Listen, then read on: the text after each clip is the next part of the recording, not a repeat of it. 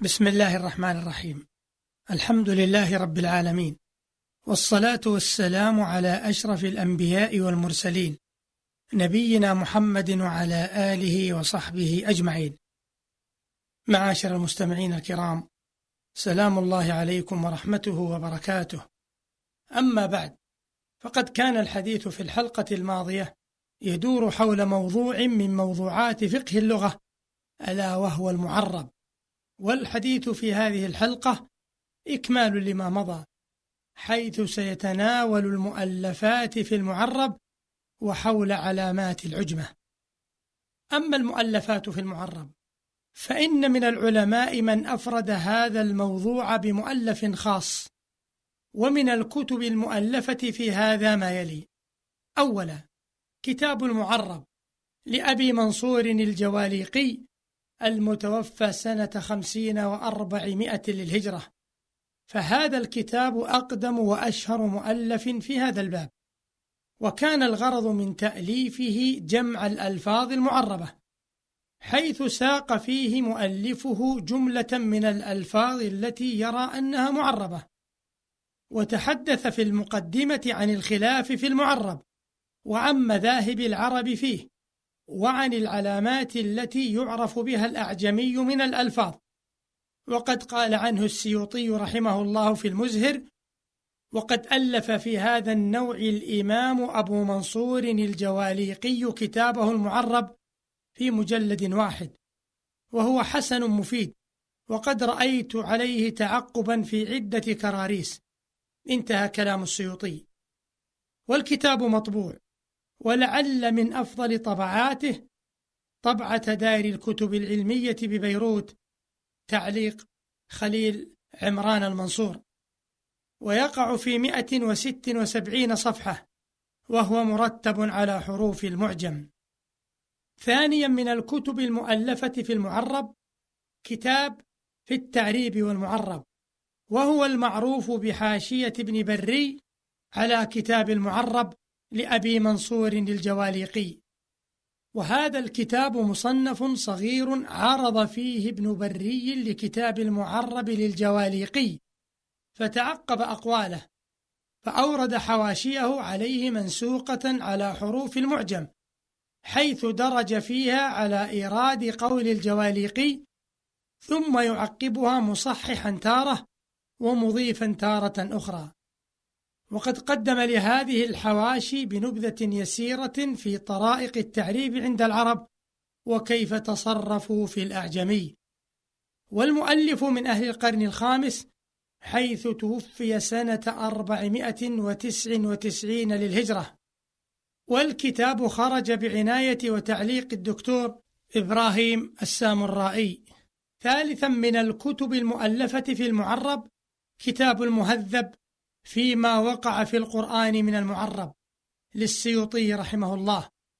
وقد لخص فوائده في كتابه المشهور الإتقان في علوم القرآن. هذه أشهر الكتب في المعرب وأما الكتب التي تكلمت عليه ضمن موضوعات أخرى فكثيرة ككتاب الصاحبي لابن فارس حيث تكلم على المعرب في عدة أبواب خصوصا في باب القول في اللغة التي نزل بها القرآن. وكذلك السيوطي في كتابيه المزهر والإتقان.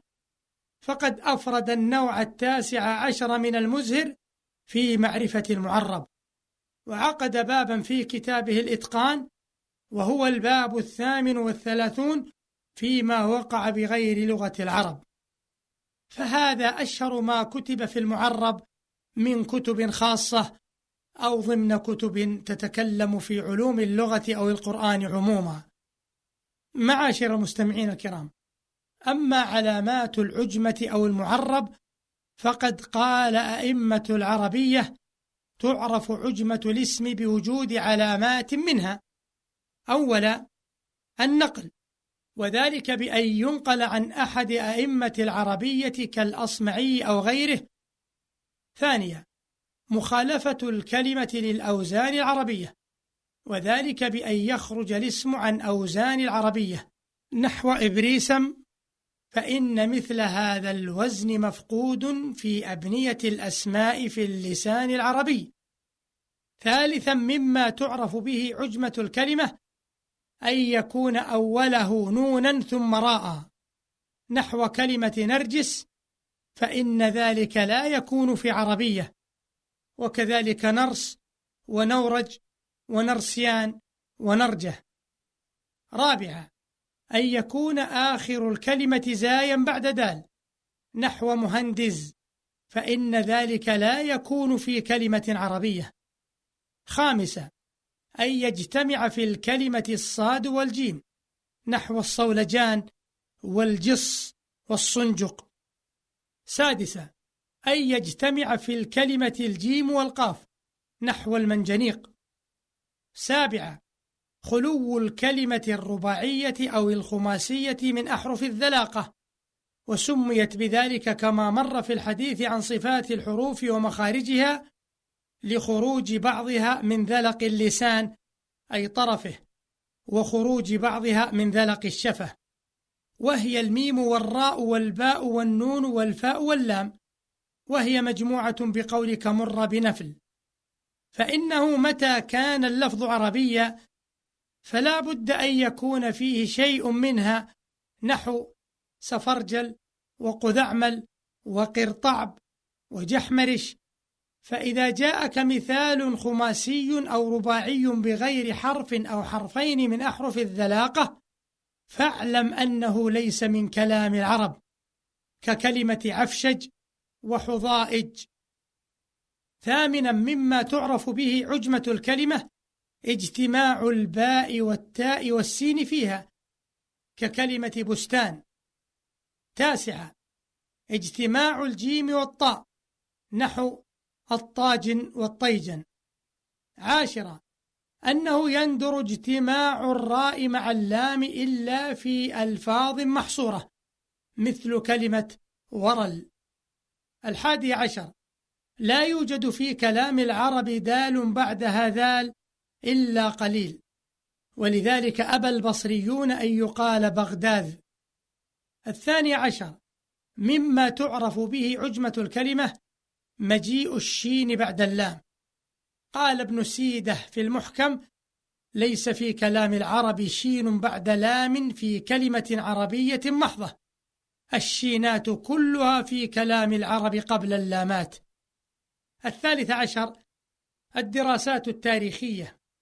فبذلك يمكن القول إن هذا الحيوان أو النبات أو الدواء ليس موجودا في جزيرة العرب. وبذلك نعرف أن الكلمة ليست بعربية. هذا وقد وجد الباحثون بعد الاستقصاء أن أكثر ما دخل العربية من أسماء المعبودات والمصطلحات فهو من اللغة الهيروغليفية والحبشية والعبرانية وذلك كألفاظ الحج والكاهن وعاشوراء من العبرانية. وأما أسماء العقاقير والأطياب فأكثرها هندي كالمسك فإنه في اللغة السنسكريتية مشكا. والزنجبيل فهو فيها زنجابير وأكثر ما يكون من أسماء الأطعمة والثياب والفرش والأسلحة والأدوات والملابس والأواني فهو من الفارسية. معاشر مستمعين الكرام إلى هنا ينتهي وقت هذه الحلقة التي دارت حول المؤلفات في المعرب وحول معرفة عجمة الكلمة. والسلام عليكم ورحمة الله وبركاته.